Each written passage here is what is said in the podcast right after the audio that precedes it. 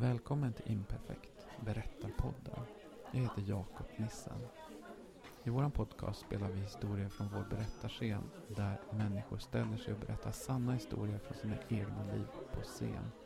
Och de gör det utan varken rekvisita eller stödpapper. Det är bara de och publiken. Den här veckan har vi en historia som är lite av en personlig favorit. Den är med en vän till oss som heter Petrus Andersson och den är från vår urpremiär i våras då vi hade en kväll som vi kallade Ryggen mot väggen. Historier från trängda lägen. Vi hade en berättare då som inte kom och fick höra på TV dagen efteråt att han hade kastats i fängelse i Syrien. Men det som Julia som var konferencier gjorde då under själva kvällen för att vi skulle kunna fylla det programmet som vi hade lovat det var att hon tittade ut i lokalen och så sa hon Jag tittar på dig Petrus.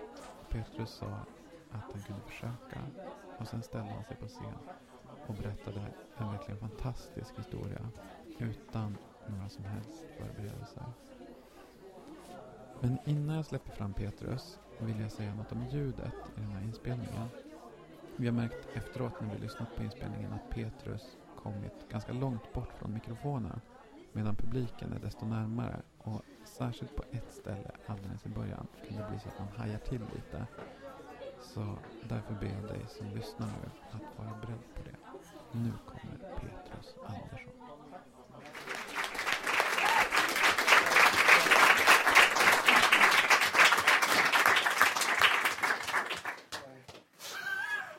Ja, herregud. Vi är med dig. Tack. Jo, jo men jag har, jag har funderat lite grann. ehm, på om jag ändå inte har någonting att berätta. Som ändå anknyter till temat. Träna lägen. Ehm, och, och det har jag verkligen. Eh, och jag kommer att tänka på en gång. Jag kommer ifrån ett litet samhälle i Lappland som heter Vilhelmina. Um, och det finns ju, jag tänker så här att det egentligen finns två stycken väldigt stora näringar i det, det otroligt stora geografiska område som man kallar för Norrland. Och det är skogsbruk och sen är det gruvindustri. Och jag kommer ifrån en familj ehm, um, så min pappa han var egen företagare och han startade ett företag som ganska snart kom att jobba ganska mycket inom gruvindustrin. Och min storebror har tagit över det. Och numera så skickar han mig och mina andra bröder på på uppdrag runt om i världen inom gruvindustrin. Och det vi håller på med är något som kallas för kvarninfordringsbyten. Eh, och, och när man, ja, men när man ska göra om malm till metall så behöver man mala den och då behöver man eh, malmkvarnar. Och de är väldigt, väldigt, de är vanligtvis så är de enormt stora metallcylindrar som man då kastar in en massa malm i och sen snurrar de. Och då mals malmen och sen kommer det ut slig på andra sidan. Och sen så, så tar man ut metallen ur den sligen och gör ja, saker av det um, ehm, och det här håller vi på. De är infodrade då med, med antingen stål eller gummi och den här infodringen den, den slits ju förstås och den måste bytas och det gör man någon gång om året. Och då så ringer man till min storebror och så skickar han sina bröder. och den här gången så skulle vi... Eh, den här gången skulle vi åka till Irland och det är första gången som jag var utomlands och gjorde en sån här sak. Och bara det var ju på ett, så att säga, ett, ett trängt läge. Um, men det som också gjorde att det här verkligen var ett trängt läge var att vi egentligen skulle göra någonting annat än det jag brukar. För det som jag brukar göra det är att jag åker dit och sen så är det någon som bestämmer över mig. Och sen så eh, sliter jag häcken av mig och ler. Samtidigt. eh, och det, det är jag och mina bröder väldigt bra på att göra. Och vi är väldigt uppskattade just för att vi är så bra på att göra det. Eh, men den här gången så skulle jag istället vara arbetsledare. och jobba tillsammans med en man som hette Jonny Karlsson. Som kom från Gällivare, som jag aldrig hade jobbat med förut. Eh, och som... Ja, Jonny är en, en... Jag skulle kunna stå här och berätta en hel gång bara om Jonny. Eh, och han, han, alltså, han är ju en väldigt, väldigt speciell person. Han mötte oss på flygplatsen på Arlanda. Och det jag visste om Jonny innan, det var att han hade fått smek... Eller, han hade fått öknamnet Johnny Balle.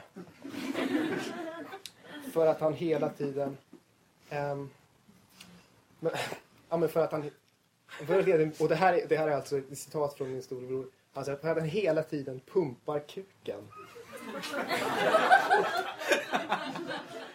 Och det han menade med det, jag var lite osäker på vad det betydde. Vad, vad kommer det där, den här mannen, han gör det hela tiden. Vad är det här? Men det, att han, gör- det han gör är att han, det verkar som att han hela tiden rättar till sin penis. Eh, och det gjorde han också. Frekvent. Eh, och han, han, är, han är också väldigt, väldigt trevlig och en otroligt alltså, socialt kompetent person. Han är också eh, rasist.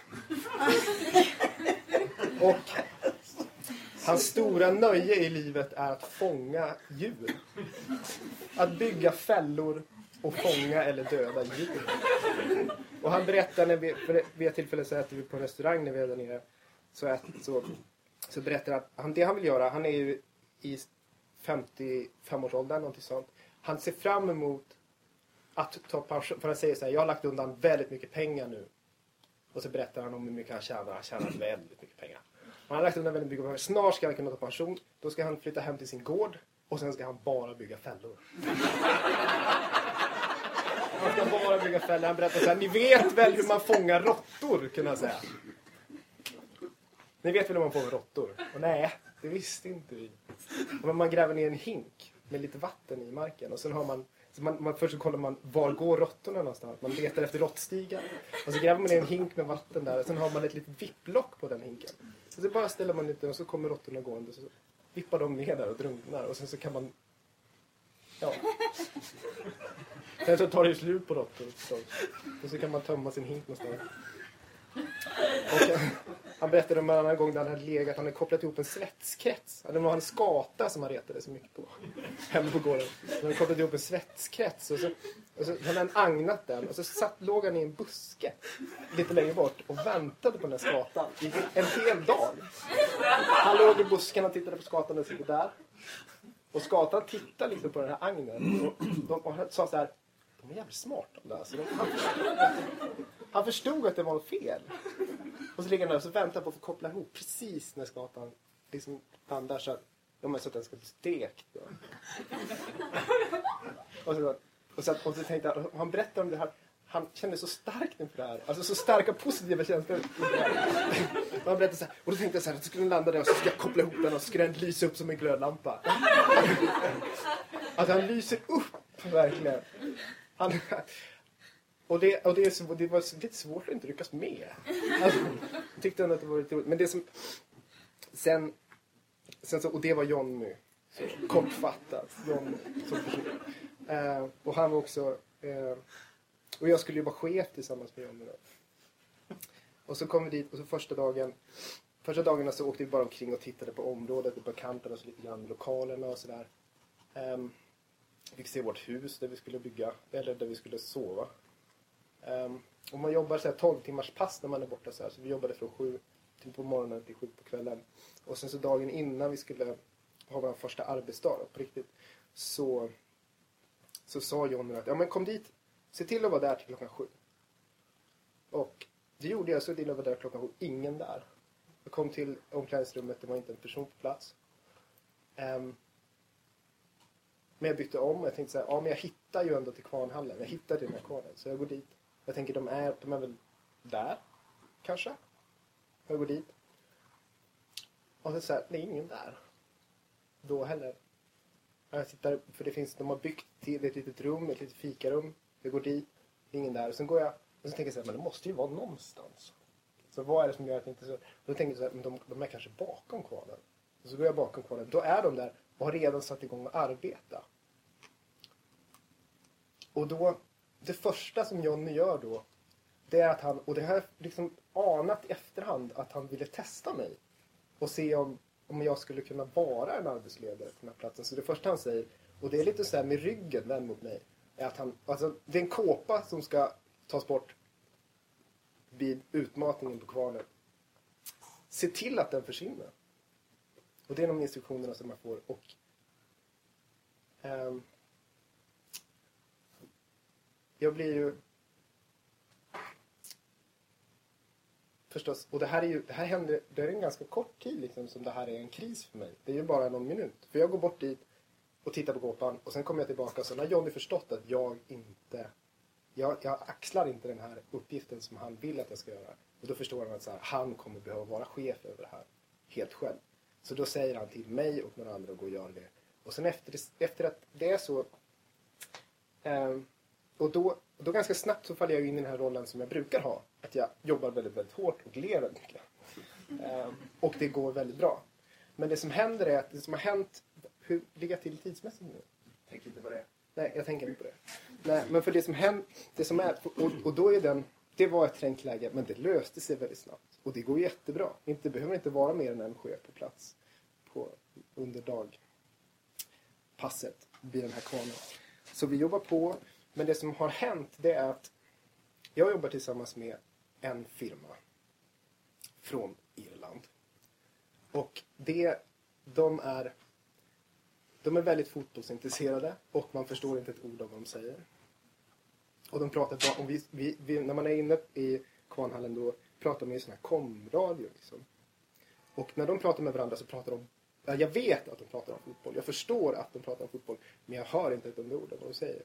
Och de låter, alltså, och det, och det är att vara, det är liksom som att ha fem stycken pirater de pratar om fotboll på komradion för att man inte vet vad de säger. Och sen ibland så är det någon som säger någonting som är relaterat till det man håller på att göra. Men det här arbetslaget då, de har varit där tidigare och jobbat.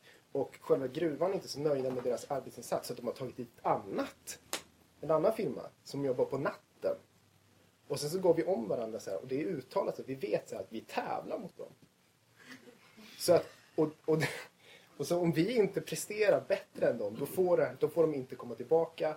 Och om, då, om det här, den här firman då, som jag jobbar med, om de inte får komma tillbaka, då, då innebär det att det, det, är i princip en katastrof för dem. Så att vi måste prestera jätte, jättemycket. Och det som händer då, det är att man börjar ta en massa risker. Så att ja, det här jobbet är liksom farligt och tungt som det är. Men när man tävlar mot någon så är det jätte jättefarligt. Eh, och det blir... Man kan väl säga så att de som jobbar natt jobbar liksom... Det är ganska tydligt att de jobbar väldigt, väldigt bra. Efter ett par nätter så förstår vi så att vi gör väldigt mycket mindre än vad de gör. Så stämningen blir ganska trängd. Och vi försöker öka tempot. Och det som händer är att vi helt enkelt drar in på sånt som tar mer tid och det är ju till exempel att jobba säkert. Så att vid ett tillfälle då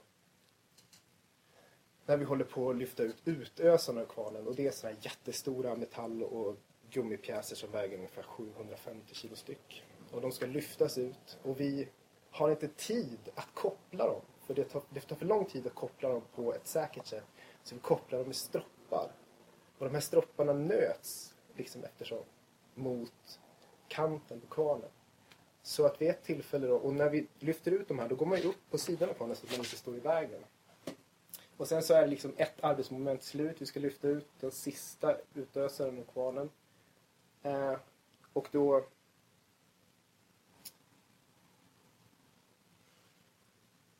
då är vi liksom färdiga, vi är klara. Och den här lyften, eller den här utösaren hänger fortfarande där. Och för att se någonting när man är inne i kvarnen så har man liksom in starka lampor och vi har plockat bort dem. Eller de, vi ska precis gå ut så då lyfter man ju ut lamporna. Och sen så går vi ju, vi är färdiga så vi går ner från sidan. Och sen när jag precis har gått ner och kommit ner i liksom botten av kvarnen, då går den här stroppen av. Och det är helt mörkt. Jag vet inte vad som händer. Ingen, det är ju helt mörkt i kvarnen så man ser ingenting. Men man förstår att stroppen går av och den här utrustningen kommer ner och landar kanske tre decimeter ifrån min fot. Och då är kvarnen så tom på infodring så att den, den är som en stor kyrkklocka. Så det som händer är helt svart. Och sen så, sen så ringer hela kvarnen så här ett väldigt dovt, otroligt högt ljud. Och sen så vänder en av eh, de som jag jobbar med vänder tillbaka eh, lampan så att man ser vad som har hänt. Och då står jag där med en utösare bredvid mig och har precis varit tre decimeter från att dö. Um, och jag blir inte rädd. Alltså jag blir nästan omedelbart otroligt glad och otroligt tacksam. Um, och känner väldigt, väldigt starkt att jag vill skaffa barn. Jag har aldrig, jag har aldrig någonsin känt det. Och jag känner det ganska starkt. Ibland så kan jag få, jag kan få väldigt starka infall sen jag skulle vilja ha ett barn. Men, men det, jag har aldrig känt det så starkt. Alltså, det var, jag uppfylldes totalt av den här känslan. Jag, jag, jag vill ha ett barn. eh, och sen resten av den dagen, för då var ju kvarnen som sagt helt tom på infodring och då de sitter ju fästade med bultar och det finns hål i hela kvarnen för, eh, för att man ska kunna fästa infodringen på utsidan. Eh, så att när kvarnen är helt tom och man är där inne när arbetet står still av någon anledning då är det liksom, de här är stora som, den är 9 meter i kvadratmeter och kanske 15 meter lång. En sån här.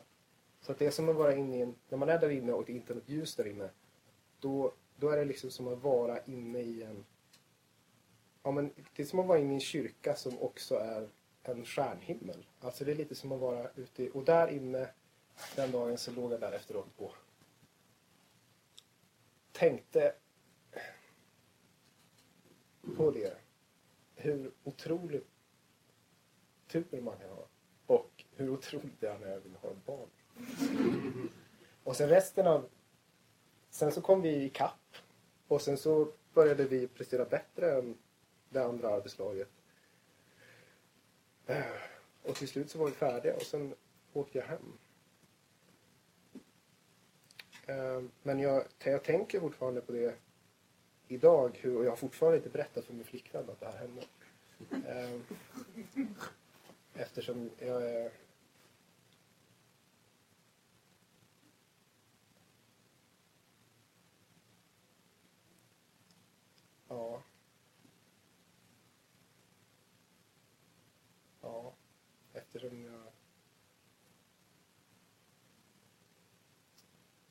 Jag var, jag var lite rädd för hur otroligt orolig hon skulle bli i efterhand.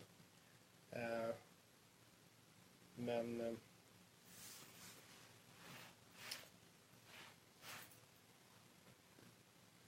och den här, den här otroligt starka längtan för att skaffa barn, den har ju avklingat men jag tänker fortfarande ganska ofta på hur väldigt små marginaler det är och hur otroligt glad jag är att jag fortfarande finns. Så. Och det är min... Ja.